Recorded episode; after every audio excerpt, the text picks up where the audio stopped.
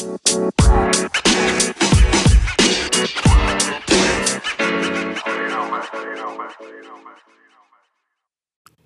Planı Podcast'in 42. bölümünde sizlerle birlikteyiz. Bugün de Barbaros'la birlikteyim. Et Oyun Planı Pod hesaplarını Instagram, Twitter, Facebook ve YouTube üzerinden takip edebilirsiniz. Hoş geldiniz. Yeni bölümümüzde Can da dediği gibi beraberiz. Ee, yoğun bir gündem oluyor. Bildiğiniz üzere NBA tekrar başlayacak ve e, takımlar yavaşça Orlando'ya geç, geçmeye başladılar. E, hemen haberlerimizi verelim. Dediğim gibi çok kalabalık bir gündem haberlerimizi bitirip konseptimiz olan oyun planı draftlarının dördüncü turlarına yani sondan bir önceki e, draftımıza geçeceğiz. E, öncelikle poz, e, bildiğiniz üzere korona testlerinin yapılıyor oyunculara ve bunlardan pozitif çıkan Taurun Prince oldu. E, Taurun Prince'in pozitif çıkmasından dolayı Orlando'ya gitmeyeceği açıklandıktan sonra e, Brooklyn iki hamle yaptı ve Jamal Crawford ve Michael Beasley'i kadrosuna kattı. E, Valla hangi takımla nasıl oynayacakları belli değildi Brooklyn'in ama iki tane böyle bir hamle yaptılar. E, aynı zamanda bugün e, şöyle bir son dakika haberi geçti. Westbrook'un da bir pozitif çıktı. Çünkü Harden ve ikisinin e, Orlando'ya takımla beraber gitmediği e, açıklandı açıklanmıştı ve bugün de Westbrook'un testinin pozitif geldiğini e, bir Houston'lı olarak çok ağır karşıladım diyeyim ve iyi kendini iyi hissediyormuş karantinadaymış ama e, herhalde bir 2-3 maç kaçıracak gibi duruyor. Tam 2 hafta var çünkü. Ee, evet, evet. Biraz Orlando'daki Bubble'dan bahsedelim istersen. Yemeklerin başta çok kötü olduğu söylendi. Ee, bayağı oyuncular çok şikayet şikayet ettiler. Ediyorlardı daha doğrusu ama şimdi düzelmiş yani bir hospitality işinin içinden gelen biri olarak böyle bir hatayı nasıl yaptı Disney ee, anlayamadım ben de yani. Çünkü bu kadar büyük bir hospitality e, grubunun yani gidip de marketten alabileceğin fresh cut meyve de vermezsin yani oyuncuya. Anladın? Yani çok evet, biraz, çok kolay, biraz çok kolay ve olmuş. hızlı bir soru sorayım sana ben. Ee, seni uçursalar burada çalışacağız çalışacaksın deseler Bubble'da çalışır mıydın? Çalışırdım. Tamam. Niye? Hayır oyuncuları görmüyorsun ama onlara yemek yapıyorsun. Maçları da izleyemediğini varsayıyorum. Ondan meraktan sadece. Çalışırdım ya ne olacak. Ee, Bubble'a geri dönelim istersen. Bu arada NBA Bubble Life diye bir Twitter hesabı var. İsterseniz oradan oyuncuların kendi paylaştığı hesaplardan e, oluşan tweetler oluyor genelde. Oradaki hayattan bahsediliyor. E, Pelicans'dan bir haber vereyim. Zion Williamson, Nickel Alexander Walker, Brandon Ingram ve J.J. Redick'in acayip bir vücut transformation'ına girmişler ki J.J. Redick Duke'tan beri en düşük kilo şeyine ulaşmış. Kilosuna ulaşmış. Brandon Ingram da biraz e, kilo almış diyelim. E, bir sakatlık haberi verelim. Rejan Rondo e, yıllar geçiyor ama Rejan Rondo'nun el parmağını kırma e, geleneği değişmiyor ve sağ el baş parmağını kırarak 6 ve 8 hafta arası e, sahalardan uzak kalacak. O da e, uzun bir süre ve Lakers için büyük bir kayıp. E, Yusuf Nurkic ile Zach Collins'in hazır olduğu söylendi. E, PJ Tucker'ın e, televizyonunu görmüşündür. Zaten bütün oyuncular evet. e, kendilerine bir e, oyun odası yapmışlar. Kendi odalarını resmen oyun gibi kullanıyorlar.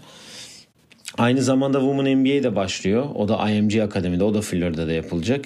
İkisini aynı süreye getirmeye çalışıyorlar. E, dün kıyafetlerle ilgili bir e, şey geldi. Bilmiyorum gördün mü ama oyuncuların maçtan önce ya tam formalı ya da eşofmanlı salona gelmeleri söylenmiş. Yani tam bir böyle nasıl diyeyim bizim zamanında gittiğimiz Türkiye şampiyonası kıvamında bir şey oluyor yani. Hani, EU turnuvası direkt.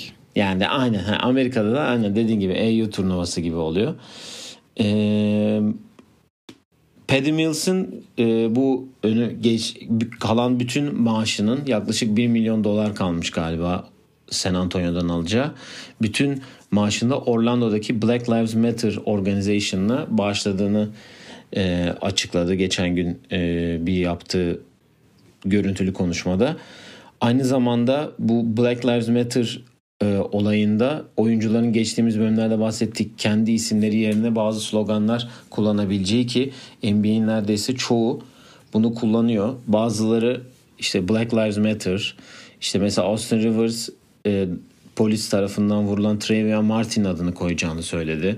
İşte Javal McGee Respect Us, How Many More gibi, Freedom gibi, Equality gibi, Vote gibi, Enough gibi e, bir sürü sloganla sahaya çıkacaklar oyuncular formalarının ya arkasında. Orada aslında şöyle bir sıkıntı var. Ee, senin dediğin gibi hani formanın arkasında sosyal içerikli mesaj yapabiliyorlar ama Austin Rivers'dan bahsettiğin aslında olmuyor çünkü tam böyle sorun yaratacak şeylere izin vermedi NBA. NBPA ile birlikte 30 tane 30 terim hakkında anlaşmaya vardılar ve insan yani oyuncular onların arasından seçip formanın arkasına koyabilecek ki LeBron koymayacağını açıkladı. Onu LeBron ve Anthony kendi, Davis ikisi de. Evet LeBron'un açıklaması da kendi istediği şeyin listede yer almaması ya da ona sorulmaması. O yüzden işte ben James'le oynayacağım diyor. Ben onu bir taktik olarak düşünüyorum. LeBron biliyorsun böyle Amerikalıların dediği hani calculated şeyler, hesaplı işler yapmayı sever. O yüzden bir şey öyle bir şey planladığını düşünüyorum ki zaten ayakkabılara çok e, fokus olacakmış. ESPN de bir açıklama yaptı. Herkesin ayakkabısını yakından çekeceğiz tarzı bir açıklama. Niye bilmiyorum. O yüzden ayakkabılara da bir özel bir el atılacaktır diye düşünüyorum bu konuda. Mind Games'de iyidir diyorsun yani. Evet. Ama onun da onun da şöyle bir açıklaması var. Dün akşam Queen Cook, Anthony Davis ve LeBron 2K'de parktalarmış. Bilmiyorum o evet. görüntüleri gördün mü? Ben gerçek hayatta nasıl oynuyorsam 2K'de de aynı şekilde oynuyorum diye bir açıklaması da var LeBron hatta. Bayağı da herkes takip falan filan etmiş böyle de değişik görüntüler vardı.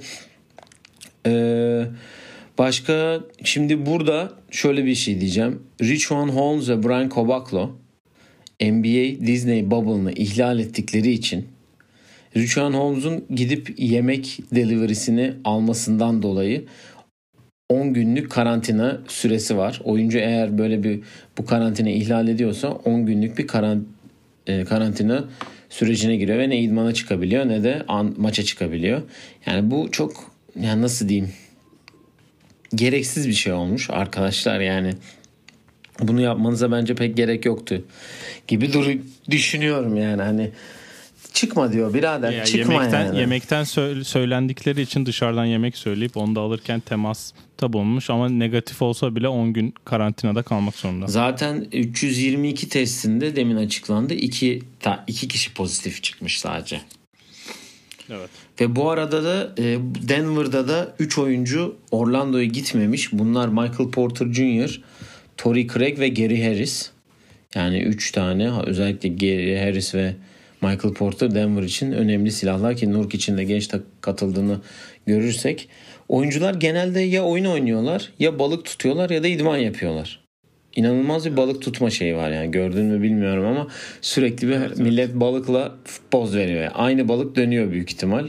Ben sanmıyorum hepsinin de o kadar balık tutabileceğini. Ee, Bubble dışında 3 tane haberimiz var. Bunun bir tanesi Woj'un ESPN tarafından cezalandırılması.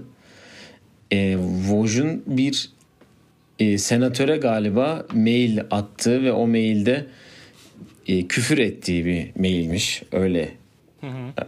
haber çıktı. E, bu yüzden de ESPN Woj'a ceza verdi ve bütün haberleri de Shems'den alıyoruz zaten biz de artık. e, zaten oyuncular da free free Woj falan yazmışlar ki ESPN bakalım ne zaman bu işte geri adım atacak ve Woj'u aramıza e, getirecek.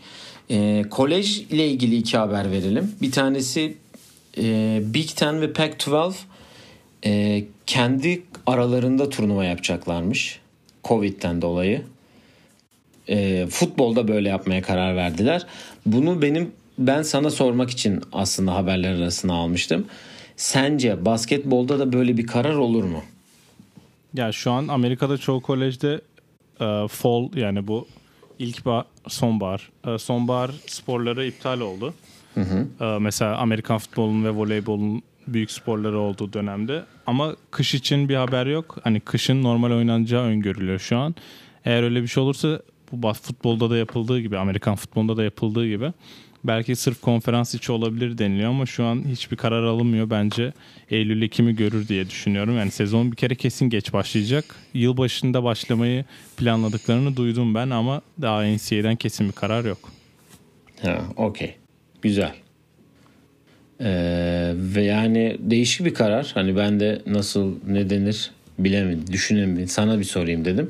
Diğer haberde Boston Celtics e, staffında bulunan Carl Lawson e, Duke bayan takımıyla anlaştı.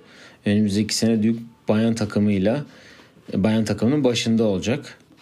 Onu da e, başarılar dileyelim. Sen ne düşünüyorsun bu evet, konu hakkında? Carl Lawson ESPN'de analist olarak başlamıştı.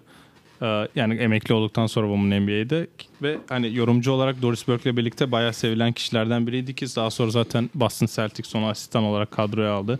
Duke'un bayan koçunun e, bir anda bas, e, görevi bırakmasıyla aslında bir şok oldu ve oyuncular da bayağı ya bir, birkaç olay olduğunu eminim bu Coach Kane yaptığı videoda da böyle onu da laf etmişlerdi kadına. Video yayınlamıyor da yardımcı olmuyor siyahi oyunculara diye. Carl Lawson şimdi gelerek e, sanırım Women, NBA, Women NBA'den gelen ve e, siyahi olarak bir takımın koçu olan üçüncü kadın olmuş. Hı hı. Diğeri de zaten en başarılısı da Dawn Staley. Onu da zaten konuşmuştuk daha önceki bölümlerde. İşte o Women NBA bayağı ba- başarılar diledi. Bütün oyuncular zaten destek mesajı yazdı. O yüzden Duke'u da erkeklerde de olduğu gibi belki kadınlarda da başarıya taşır diye düşünüyorum. Ben ki zaten Dawn Staley'nin de geçen bir onun hakkında bir yazı vardı. Onu da isteyenler okuyabilir. O geldikten sonra o gelmeden önce 4 tane Women NBA oyuncu veren okulun nasıl o geldikten sonra işte onlarca oyuncuyu Women NBA'ye gönderdiğine dair güzel bir yazı vardı. Evet yani e, tabii no, sen de demin söyledin kolej basketbol ne olacak ne bitecek bilmiyoruz ama biz önce önümüzdeki bu Orlando'daki bubble'a konsantre olup oradaki haberleri takip edip sizlerle buluşturmaya devam edeceğiz. Zaten e, yaklaşık 15 gün sonra da 15-16 gün sonra da resmi maçlar başlayacak. Önce bildiğiniz gibi geçen hafta da söyledik hazırlık maçları var. Onlar zaten önümüzdeki hafta başlayacaktır diyelim. Ve senin eklemek istediğin herhangi bir haber yok ise e, konseptimiz olan oyun planı draftlarına yavaştan geçiş yapalım. O Michael Beasley hakkında bir şey söyleyeceğim. Ben de bu haberi açıklandıktan birkaç saat sonra herkes yazınca öğrendim. Michael Beasley sen biliyor musun emin değilim biz bunu çok konuşmadık da Michael Beasley doping e, kurallarına uymadığı için 5 maç cezası var yani. Nesle ilk 5 maçta oynamayacak. 3 maç ve playoff'ta da herhalde e, ilk turda da sweep olacağını düşündüğüm için sadece 7 maçta oynamak için kadroya dahil oldu diyebiliriz. Bu arada Women NBA ile ilgili haber vereyim ben. Sabrina Ionescu NBA de- debüsünü Suberto Brianna Stewart'a karşı 25 Temmuz'da yapacakmış. Güzel. İkisi de Evet. bildiğin gibi hem Subert hem Brianna Stewart'a geçtiğimiz sezon sakat olarak geçirdiler. Oradan da dönüşü yapmış olacaklar. Şimdi şöyle bir ben bakıyorum. Bak girebileceğimiz bir haber var mı? Bu arada Richuan Holmes'un annesinin de bir tweet'i var. Onu da bakmanızı tercih ederim. Sadece annenin yemekleri için orayı terk etmelisin falan tarzı. Ben de orada değilim. Aferin sana tarzı bir tweet'i var. Güzel bir şekilde. Ee, PJ Tucker ve ayakkabıları var. 60 çift ayakkabıyla gitmiş. Onu da söyleyelim. Ee, diyelim ve oyun planı draftlarının dördüncü sıralar e, bölümüne geçelim. Ee, geçtiğimiz hafta zorlanmıştık. Üçüncü sıralar zordu çünkü. Ee, son anda değişikliklerimiz oldu derken. Bugün biraz daha orta şekerli bir draft. Oyunculardan dolayı. Burada çok fazla hayal kırıklığı yaratmış oyuncu var. Onu söyleyebilirim. İyi oyuncular da var ama. Ee, istersen ben başlayayım oyuncuları söylemeye yavaştan. Sonra senin bu draft class'la ilgili yorumunu alıp bu bugünün birinci sıra sende olduğu için senin başlamanı e, gerekiyor. Evet. Ee, geçtiğimiz seneden geriye doğru gideyim ben. DeAndre Hunter, Jaren Jackson Jr., Josh Jackson, Dragan Bender, Kristaps Porzingis, Aaron Gordon, Cody Zeller, Da- Dion Waiters, Tristan Thompson, Wesley Johnson, Tyreek Evans, Russell Westbrook, Mike Conley, Tyrese Thomas, Chris Paul, Sean Livingston, Chris Bosh, Drew Gooden, Eddie Curry ve Marcus Fizer. Ee, şimdi önce ben kendi almadığım 5'i söyleyeyim. Ee, Marcus Pfizer, Eddie Curry, Tyrus Thomas, Cody Zeller ve Dragan Bender'i almadım. Ee, niye almadığımı seçimlerimiz bittikten sonra konuşacağız zaten. Senin değişik o var mı değişikliğin burada almadım. Dragan Bender, Marcus Pfizer, Tyrese Thomas, Eddie Curry ortak. Ben Josh Jackson'da al, ben Josh Jackson'ı almadım. Cody Zeller'ı aldın. Evet. Peki bunun da farkını en sonunda konuşacağız en sonunda zaten. zaten konuşacağız. Sen bu draft class hakkında ne düşünüyorsun? Onu merak ediyorum. Ya üçüncü sıradan sonra biraz daha kolay oldu buraları sıralamak. Hatta burada en zor herhalde sonları sıralamaktı. Çünkü başlar çok ayrı ayrı kişiler var zaten. Şimdi başlayınca zaten seçeceğiz hepsini. Yani dışarıda bırakmayı zordu. Hani 5 kişi seçiyoruz aslında 2-3 tane çok e, kolay seçim oluyor genelde. Bu sefer de vardı kolay seçimler ama mesela bu sefer 7 kişiyi dışarıda bırakabilirdik. O derece fazla aday vardı ama zaten e, fikir ayrılığı da o bir kişiden çıkmış genelde. Cody da koruyabileceğim birkaç e, bilgi buldum. O yüzden ben Cody ekledim diyorum ve ilk sıra seçim hakkı benim istiyorsan başlayayım. Tabii buyur o zaman. Ee, oyun planı draftlarını dördüncü sırasının ilk seçimini yapmanı rica ediyorum diyelim ve buyur. Ben ilk sıradan e, seni alacağını biliyorum ama bu draftın en iyi oyuncusu ve en başarılı kariyere sahip oyuncusu Russell Westbrook alıyorum ben. Ya bak şimdi ya. Abi böyle bir şey olamaz ya. Ya Chris Paul'u çok sevdiğimi zaten herkes biliyor. İkiden ben zaten onu seçeceğini düşünüyorum ama arada çok fark var. Düşündüm Chris Paul birden alabilir miyim diye. Onu nedenlerini Chris Paul gelince konuşuruz ama hani bir kere MVP, 9 kere All-Star, 2 kere birinci takım, 5 kere ikinci takım, bir kere de üçüncü takım ve 3 sezonu triple double ortalamayla bitirdi. 2 kere sayı kralı, 2 kere de asist kralı. Hani Westbrook'un tam yani NBA finali gördü. Bir kere zaten Chris Paul'un üstüne, üstüne çıkmasının bir numaralı nedenlerinden birini o, o olarak seçtim ben. Ve Oscar Robertson yaptığı için yaklaşık 35 yıl önce böyle hiç kimsenin yapamayacağı bir şey olarak gözüken şeyi 3 sene arka arkaya yaptı ve yaptığı takımı da biliyorsun hani Durant gittikten sonra belki bir intikam için yaptı ama hani bir kere yaptı tamam ya şansı oldu denilebilecek bir şeyken 3 sene arka arkaya yaptı.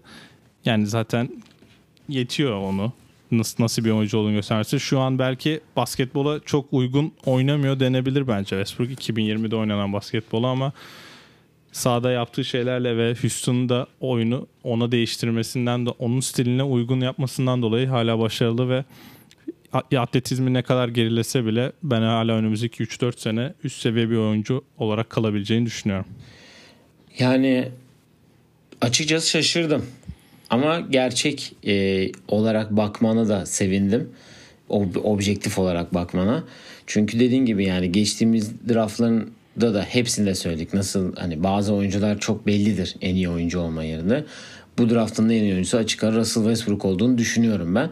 Çünkü yani benim kendi Russell Westbrook e, aşıklığı dem yani, yani seviyorum yani en sevdiğim oyunculardan biri olduğunu sen de gayet iyi biliyorsun zaten.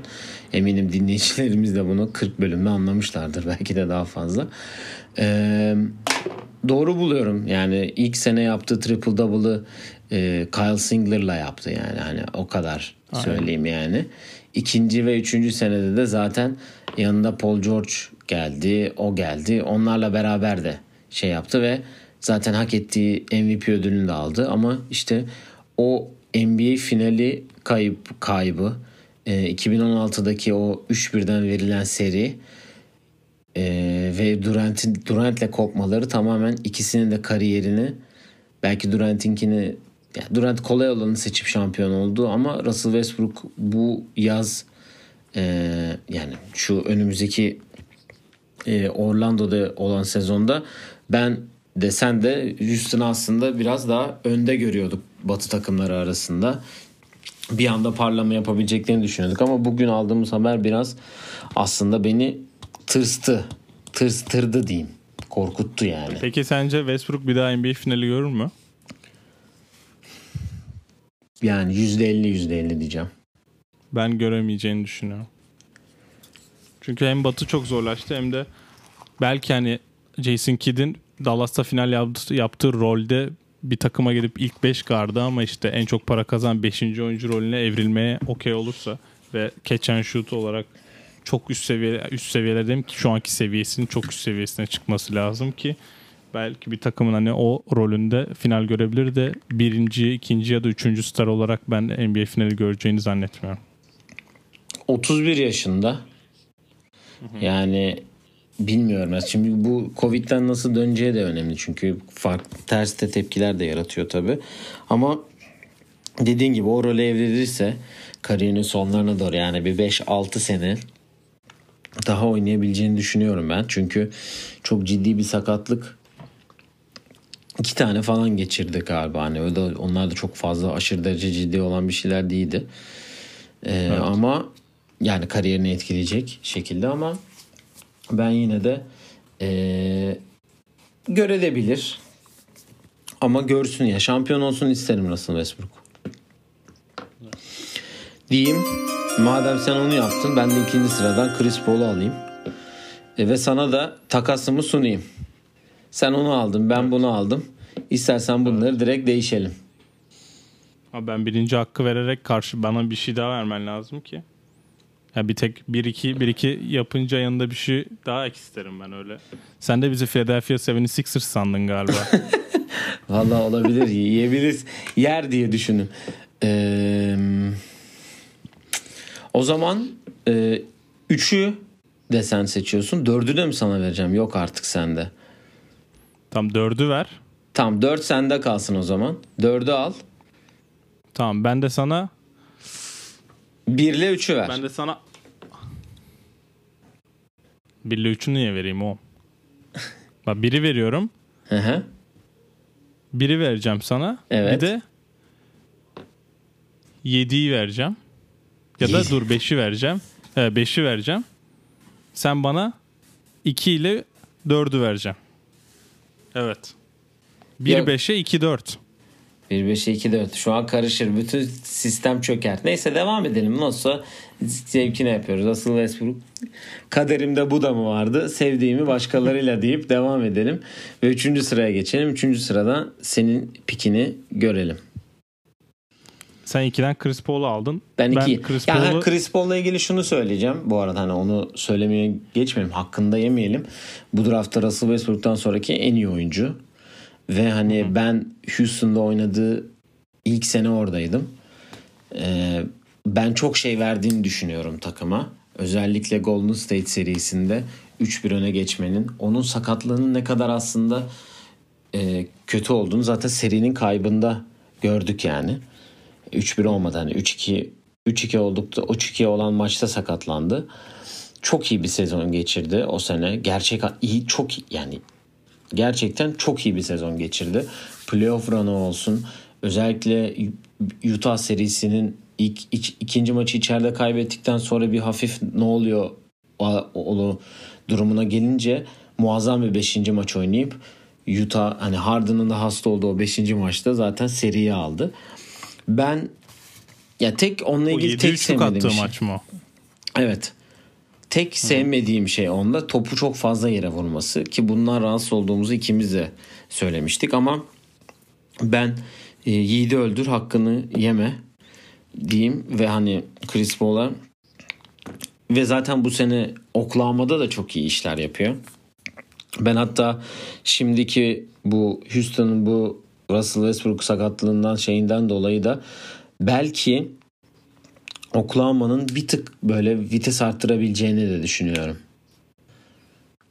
Yani belki Olabilir. burada bir şeyler yapabilirler. Çünkü tam takım oradalar. Çok göz önünde de olmaya başladılar. Medya da çok onların üstünde. Bakalım kapalı kutular yani. Ya ben Chris Paul'u zaten hani çok konuştuğumuz için çok fazla bir şey söylemeyeceğim ama asist 4 kere asist kralı olması normal 6 kere top çalma kralı ve benim de göz ardı ettiğim bir şey ve yani aklımda da çok olmayan bir şey. 7 kere en iyi savunma 5'ine seçilmiş. Yani inanılmaz bir rakam 7 kere en iyi savunma 5'ine seçilmesi. O yüzden hani bayağı düşündüm ben birden gider mi diye ama biraz zorlama olur diye. Ben de 2 yazmıştım zaten deyip 3'e geçiyorum. 3 numara da zaten çok belli olduğunu düşünüyorum ben. Hatta 2 olabilir mi diye de bir tık zorladım. Ama Chris Paul savunma 5'i beşini girmesinden dolayı bu Chris Bosh'u ben 3'e yazdım. O yüzden 3 tane de Chris Bosh seçiyorum. Kariyer ortalaması 19 sayı 8 rebound. 11 kere All-Star. Bir kere en iyi ikinci 5. Şampiyon takımın 3. opsiyonu. 2 kere şampiyon olan bir takımın. 4'te finali var zaten. Hani Miami'de olmasından dolayı o ama e, Raptors'la hiçbir playoff başarısı yokken başka bir role evrilip bir takımın 3. yıldızı oldu ki bu e, Decision'ın 10. senesi olduğu için geçtiğimiz haftalarda çok fazla LeBron hakkında podcast yapıldı ve o podcastlerin ben genelde çoğunu dinledim. Hepsinde Chris Bosh'un LeBron'dan önce yani Wade'le birlikte karar veriyorlar. Çünkü Wade'le menajerleri aynı.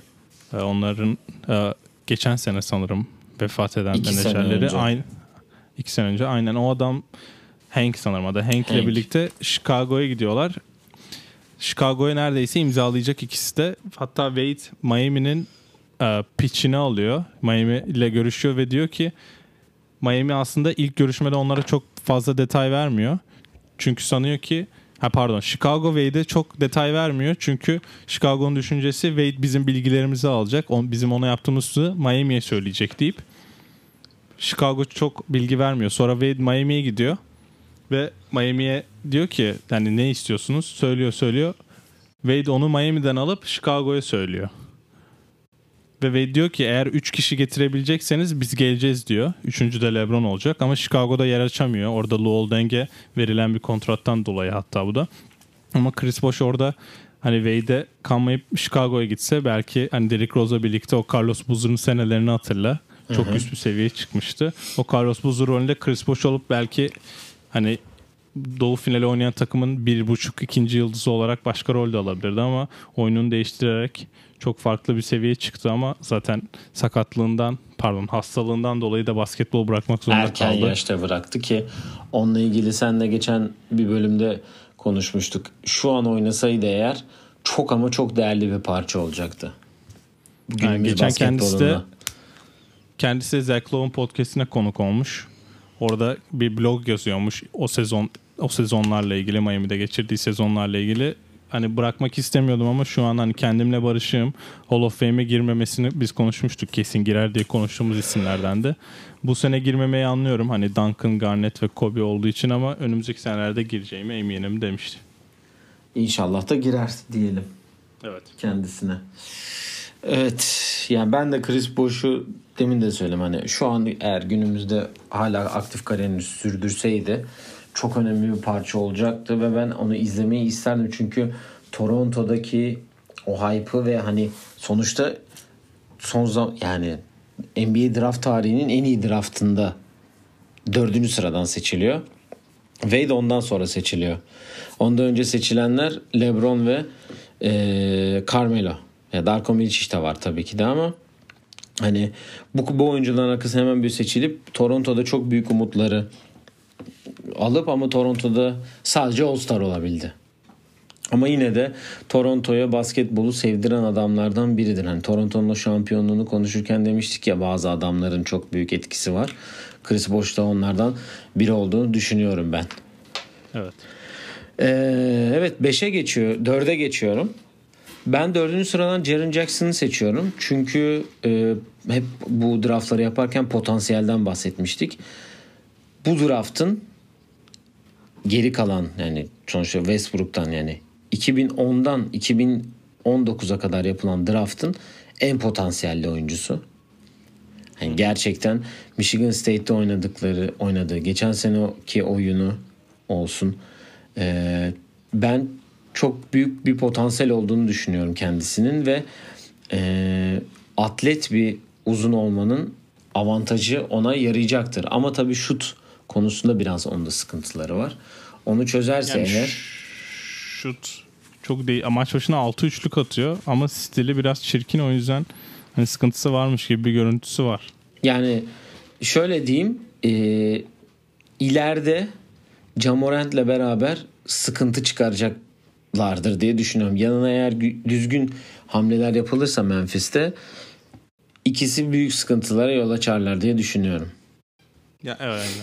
Ben de aynı şekilde düşünüyorum seninle. Ben e, bu sıraya yazmamıştım Jaren Jackson Jr.'ı. Benim başka biri vardı ama e, şu an istatistiklerine bakıyorum. Bu sene %40'lı üçlük atıyor. Ama benim buraya yazmamın en büyük nedeni de Jaren Jackson o pozisyonda maç başına sadece 4.7 reboundla oynaması. Hani rebound sıkıntısı cidden yaşıyor. Yani çok Hani enteresan bir zaten- şey yani bu da. Evet, çok eleştiri topladığı bir konu ayrıca bu da. Hani maç bir de maç başına 1.6 blok yapıyor ki inanılmaz bir rakam o da. Yani bu böyle atlet biri bu kadar az rebound alıp bu kadar blok yapıp inanılmaz. Evet. Evet o zaman e, senin pikine geçelim. Beşinci sıraya. Hmm, Ben 5'ten e, Kristaps Porzingis'i seçiyorum. Onu yazmıştım zaten. Vay. Hani şu an boşta. Aynen. E, potansiyel demişken ben de tabii Porzingis'in potansiyeline güvendim. Sakatlıktan önce bir All-Star'ı var. Onu unutmuştum. E, ve 19 sayı 9 rebound ortalaması yapıyor. Maç başına 7 üçlük deniyor ki Dallas'a giderek kariyerin en iyi şeyini yaptı. en iyi Kararını hamlesi oldu. Aynen öyle. Ve hani Doncic'in yanına gitti ve hani Avrupa'dan gelen bir uzunu Dallas'ta oynamak zaten hepsi istiyordur. Kendisi de öyle bir hamle yaptı. Mark Cuban bence orada çok başarılı bir iş yaptı. Bunu da not olarak geçelim. Hani Porzingis tekrar sakatlanmazsa kariyeri iyi yerlere gelir. Hatta Memphis'le de çok da karşılaşırlar ve iyi bir düello olur diye düşünüyorum ben ileride. Doncic, Doncic, Jamorant, e, Jaren Jackson, Porzingis diyorsun. Yani ben de Aynen çok öyle. sevindim de Dallas'a gitmesin. Çünkü Doncic'in yanına bir yani biri daha lazım ama o la ilk parça Porzingis tam oturdu diye düşünüyorum. Hem Avrupalı ikisi de İspanya'da oynadığı için İspanyolca konuşuyorlar büyük ihtimalle diye düşünüyorum. Çünkü ikisinin de İspanyolcası iyiydi. İyi. Ve yani çok da iyi bir anla şeyleri var. E, connection'ları var. İnşallah Dallas'ı o Nowitzki'li dönemlere tekrar sinir bozucu takım şeyine getireceklerine inanıyorum yani. Herkesin o sinir olduğu Dallas takımında geri döneceğini geri dönmesini bekliyoruz diyeyim. Ben 5. E, 6. sıradan Mike Conley'i seçeceğim. E, demin nasıl Memphis'in yüksel, yükselebileceğini söyleyebilirsek ki şu an bir son dakika haberi geldi. Oladipo oynamayı e, oynayabilecekmiş.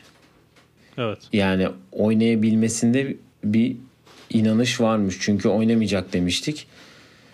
After multiple strong team practices. Sert idmanlardan sonra buna karar vermişler. İnşallah oynar. Indiana'yı üst seviyeye çıkarır. Diyeyim ben pikime geçeyim. Mike Conley demiştim zaten. Ee, Mike Conley, Zach Randolph ve Marc Gasol. Memphis'i bu bugünlerde nasıl Jamorant ve Jaren Jackson'a sahipse bu üçünün ben çok etkili olduğunu düşünüyorum. Çünkü o Memphis'li o takımı düşün. Mike Conley Memphis'i e, nasıl diyeyim haritaya sokan adamlardan biri. Bu saydığım üç isim. E, sakatlıklarla boğuştu uzun süre. Ve hani nasıl diyeyim All Star'a All Star seviyesine kadar çıktı. Ve ben Utah'ta çok büyük iş yapabileceğine inanıyordum ama şut tercihleri biraz onda sıkıntı yarattı ve eee, çok eleştiriliyor yani ama ben bir yerde onun bir tık seviye atlayabileceğine inanıyorum. Evet. Ya Mike Conley NBA tarihinde All-Star olamamış en iyi oyuncu olarak tarihe geçti bence. Hı hı. Sadece kariyerindeki tek başarısı da en iyi ikinci savunma beşine seçilmesi ki o takımı yani senin de dediğin gibi Tony Allen'ı da ekleyerek sen nasıl bir savunma takımı olduğunu da hatırlamak lazım. Utah'ta da e, başarılı olması aynen bekleniyordu. Çünkü Utah hani sanki Donovan Mitchell'a öyle biri lazım gibiydi ama aslında değilmiş. Onu görmüş olduk. Hani Donovan Mitchell'ı daha sanki point guard oynaması lazım ve öyle olduğu zaman da Mike Conley değil başka bir oyuncu gerekiyor oraya. O yüzden hani Utah'ta başarılı olamadı ama belki alışma sürecini de atlattığı zaman başarılı olabilir. Şunu diyorum ve- soracağım peki sana onunla alakalı. Mesela Quinn Snyder'ın koçluğuyla alakalı hani bir şey düşüncemizi bir ters bir düşünce olduğunu düşünmüyorum seninle alakalı. Sevdiğin de bir koç olduğunu düşünüyorum ki birkaç kere seninle konuşmada bunu bahsetmiştin zaten.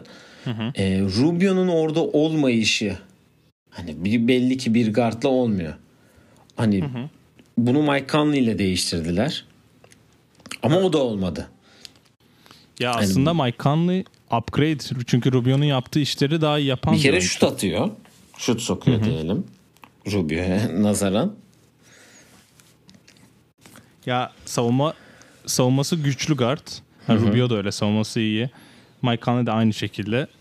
Hani playmaking olarak da hani NBA'nin en iyi 10 playmaker olmasa da ilk 5'e attığında sıkıntı yaşamayacak playmaker. Hem şut da sokuyor. Yani Rubio'ya upgrade yaptılar aslında. Tabii biraz daha pahalı oldu ama neden olmadığı da galiba çok fazla playmaking oldu ya bence. Hani hem Joe Ingles hem Donovan Mitchell bu oyuncularla zaten bir alışkanlık vardı takımın.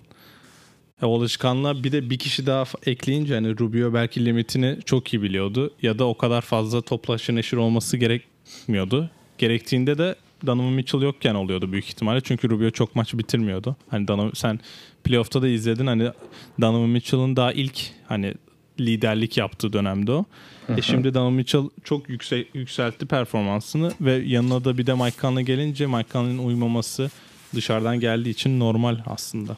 Yani Donovan Mitchell o sene o ilk çaylak senesindeki liderlik ettiği seri bir maç. O da zaten kazandıkları Houston'a kazandı ikinci maç. Ki ondan önce tabii ki Oklahoma'yı elemeleri de zaten hani sürpriz olmuştu herkese. Aynen öyle. Evet. Alt, Evet, ben sırada Yedinci değişik sıraya bir tercih geldim. yapacağım. evet. 7. sırada. Ben buraya senin Aaron Gordon'un yazdığına %1 milyon eminim. Yok. Ama ben ay ben buraya Tristan Thompson'ı seçiyorum. Tristan Thompson'ı seçmemin iki nedeni var. Bir tanesi NBA şampiyon takımın ilk 5 oyuncusu.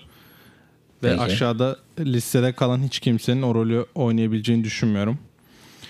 Diğeri de arka arkaya 447 maç oynayabilmesi. Evet, Ki o inanılmaz aşağıda bir rakam. kalan aşağıda kalan herkesin de bir sakatlığı olduğunu görüyoruz ki zaten geleceğiz. O konuda kötü günler yaşamış insanlar var bu listede. O yüzden ben Tristan Thompson buraya yazıyorum. Çok bir açıklama yok yani. Nasıl bir oyuncu olduğunu zaten herkes biliyor. Cleveland takımında da istatistik kastı takas istedi olmadı. Ama zaten kontratı da LeBron sayesinde almıştı diyelim. O yüzden keyfini de sürüyor şu an. Ama bu nedenle ben Tristan Thompson'ı seçiyorum. Ya Tristan Thompson zaten sen en iyi şekilde açıkladın. Onun da Kanadalı olması Kanada basketbolunun gelişmesinde biraz olsun etkisi var. Hani sonuçta o bu hangi Carter efekte galiba. Tristan Thompson çıkıyor Evet, konuşuyor. konuşuyor. Aynen hani onun da o efsane 2016 kadrosunda olması ya ne kadar katkısı vardır?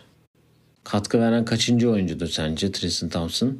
Yani şu an yani milli takımda da milli takımın yıldızı konumunda olabilir Yok yok an. ben 2016 şampiyon takımından Ha, bahsediyorum. 2016'da eğer ilk 5 oyunda hani 5. adam 6. adam diyebilirsin rahat. Yani işte zaten fazla diyecek pek de bir şey yok. Zaten kariyerinin peak noktası orasıydı onun da. Evet. O da onu aldı zaten. Ee, madem Aaron Gordon dedin onu seçeceğim ben o zaman. Ee, 8'den. Aaron Gordon hani kariyerini boyunca Orlando'da kalır mı?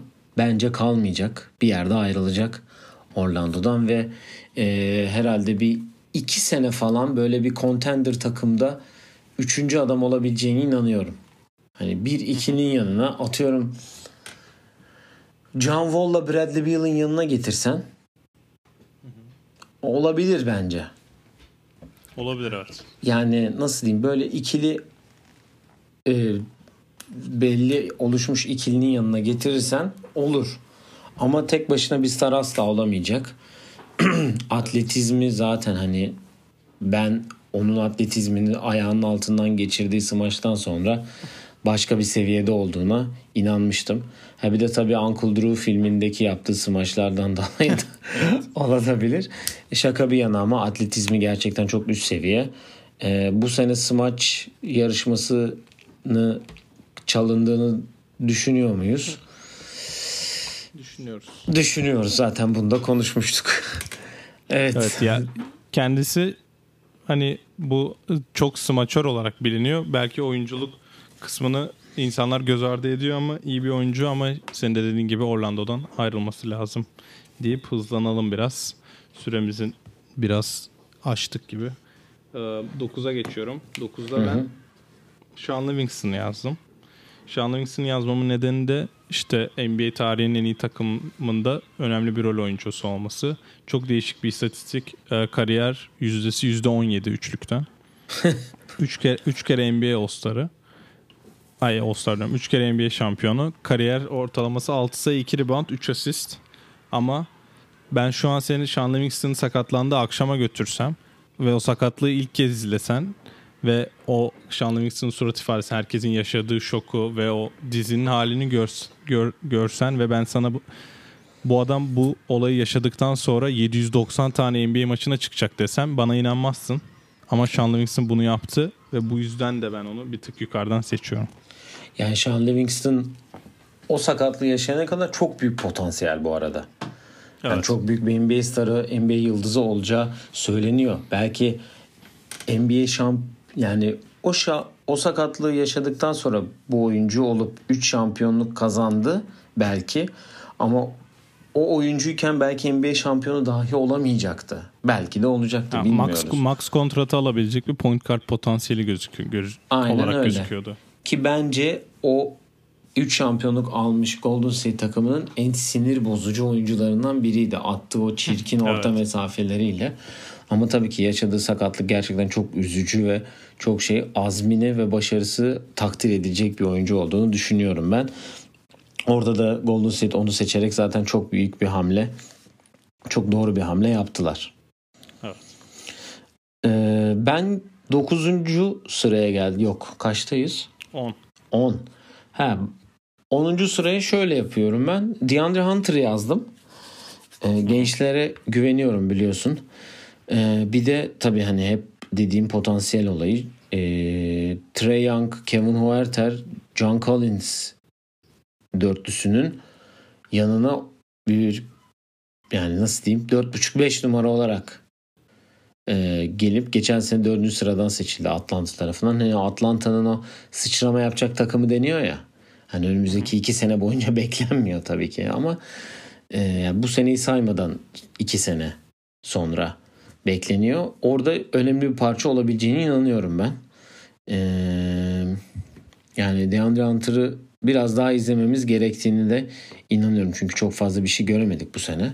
Bildiğin üzere. Ya, Hani kolejde çok komikten. 4 oynadığı için şimdi 3 3.5 rolüne daha çok döndü. Atlanta'da ki Capella'yı saymayı da unuttun o takım 5 numarası Capella. Aynen. Artı bir de Cam için- Reddish de var o takımda. Hani böyle de bir Aynen öyle. şey var yani.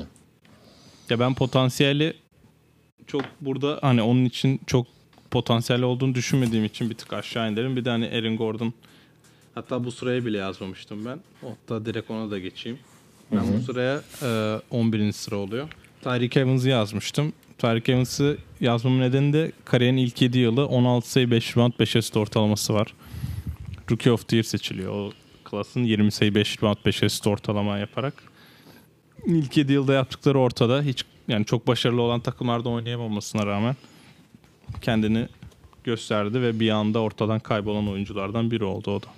Yani evet Tyreek Evans üzücü bir şekilde ayrıldı. Hani çok e, iyi bir potansiyeliydi Sacramento'da özellikle Sacramento'yu hani bir nasıl diyeyim şöyle bir olan Sacramento'dan bir şey olacak mı yine dedirten oyuncuydu yani.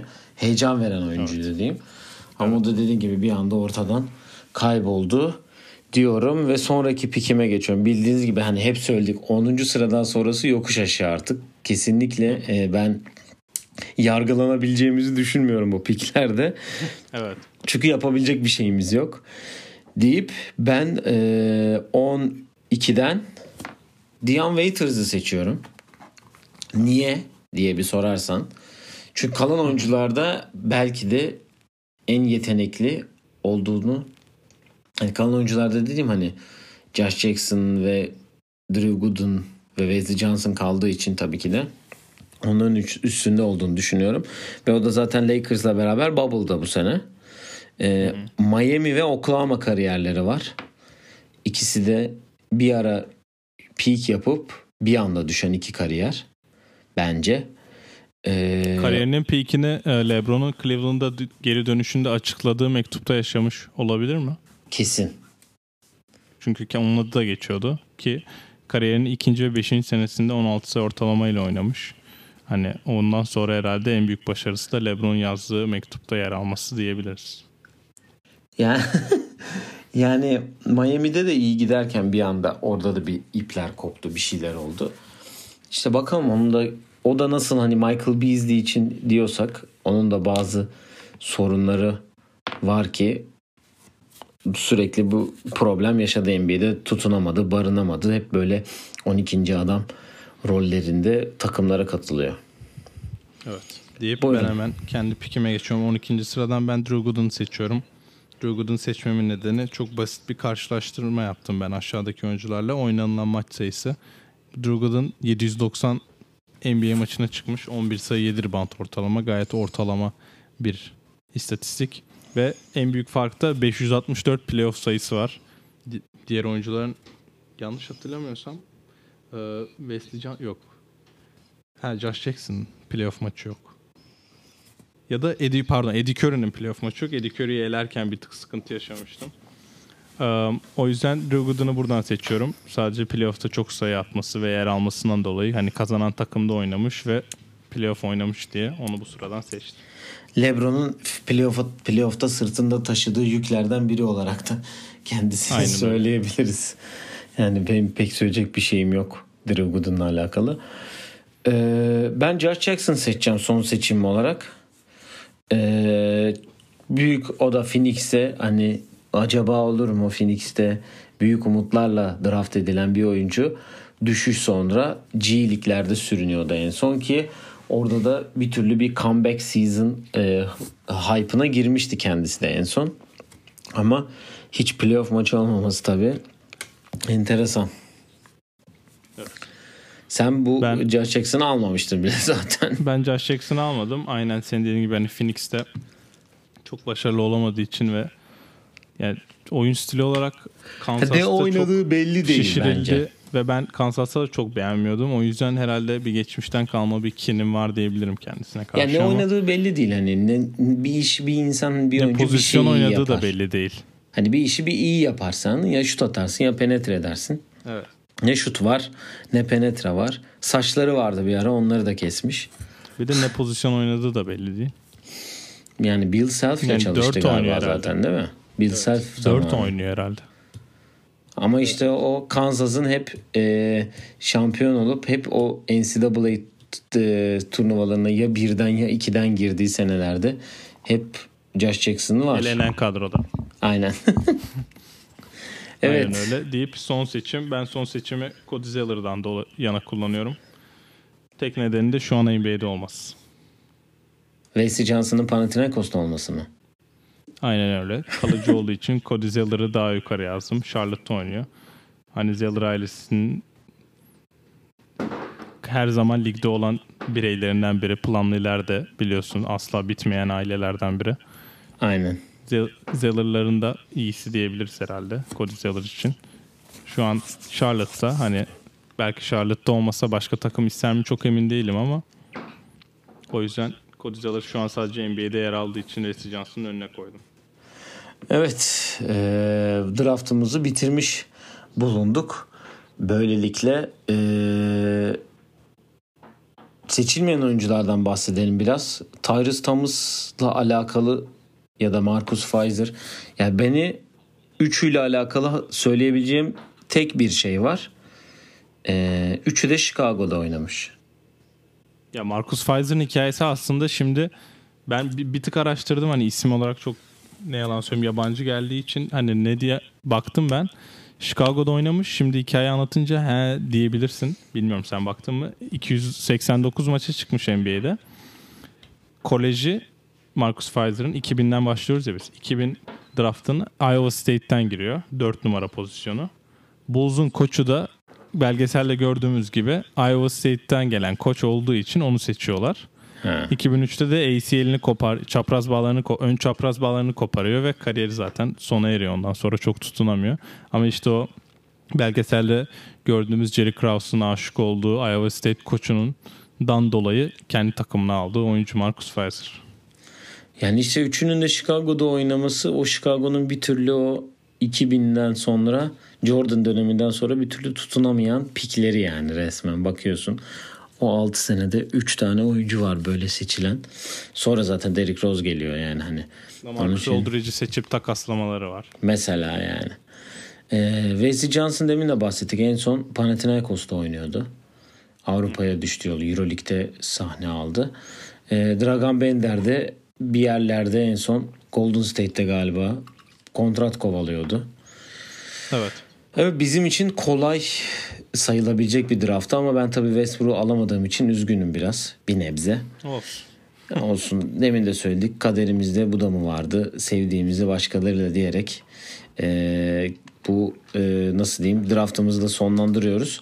Önümüzdeki hafta eee, son bu konseptimizin son bölümü olan 5. tur yani 5. sıra özür dilerim 5. sıra seçimlerine gideceğiz. Bir tık daha eee, iyi 5 e, tur se- seçimleri olacak. Daha iyi bir draft olacağına inanıyorum ben. E, çünkü ta şimdi oyunculara bakınca Trae Young olsun, e, Dwayne Wade olsun, DeMarcus Cousins, Kevin Love, Ricky Rubio olsun. iyi oyuncular var. E, tabii ki de Bubble e, hayatı devam edecek. Eminim değişik haberler olacak. Hatta şöyle diyeyim biz yayını bitiririz. Yayın e, yayını yükleriz ve direkt bir haber çıkar diye bekliyorum yani. Kesin, genelde ki genelde öyle oluyor çünkü. Ee, senin eklemek istediğin herhangi bir şey var. Bu arada Carmelo'yu gördün mü? Çok affedersin bunu soracaktım unuttum ama Carmelo'yu son halini gördün mü? Slim Melo. 3 numara oynayacağı için sanırım ona daha önceden haber verilmiş 3 numara oyuncuya. O yüzden öyle bir fiziksel değişime gittiği söyleniyor. Ya ben gördüm. Hani çok ince de biliyorsun bir hani sahada daha çok belli oluyor diğer insanların yanında. Ben bir tek tek başına bir video gördüm. Aynen bir fotoğrafı vardı zaten. Bakalım inşallah yani Portland ne olacak bilmiyoruz tabii ama Carmelo başarılı olsun tabii ki de. Diyelim et oyun planı pod Instagram, Twitter, e, Facebook ve yeni açılan YouTube hesabından bizi takip edebilirsiniz. Sorularınız varsa yollayabilirsiniz. Bizi dinlediğiniz için teşekkür ediyoruz. Haftaya tekrar görüşmek üzere diyelim. Hoşçakalın. Hoşçakalın.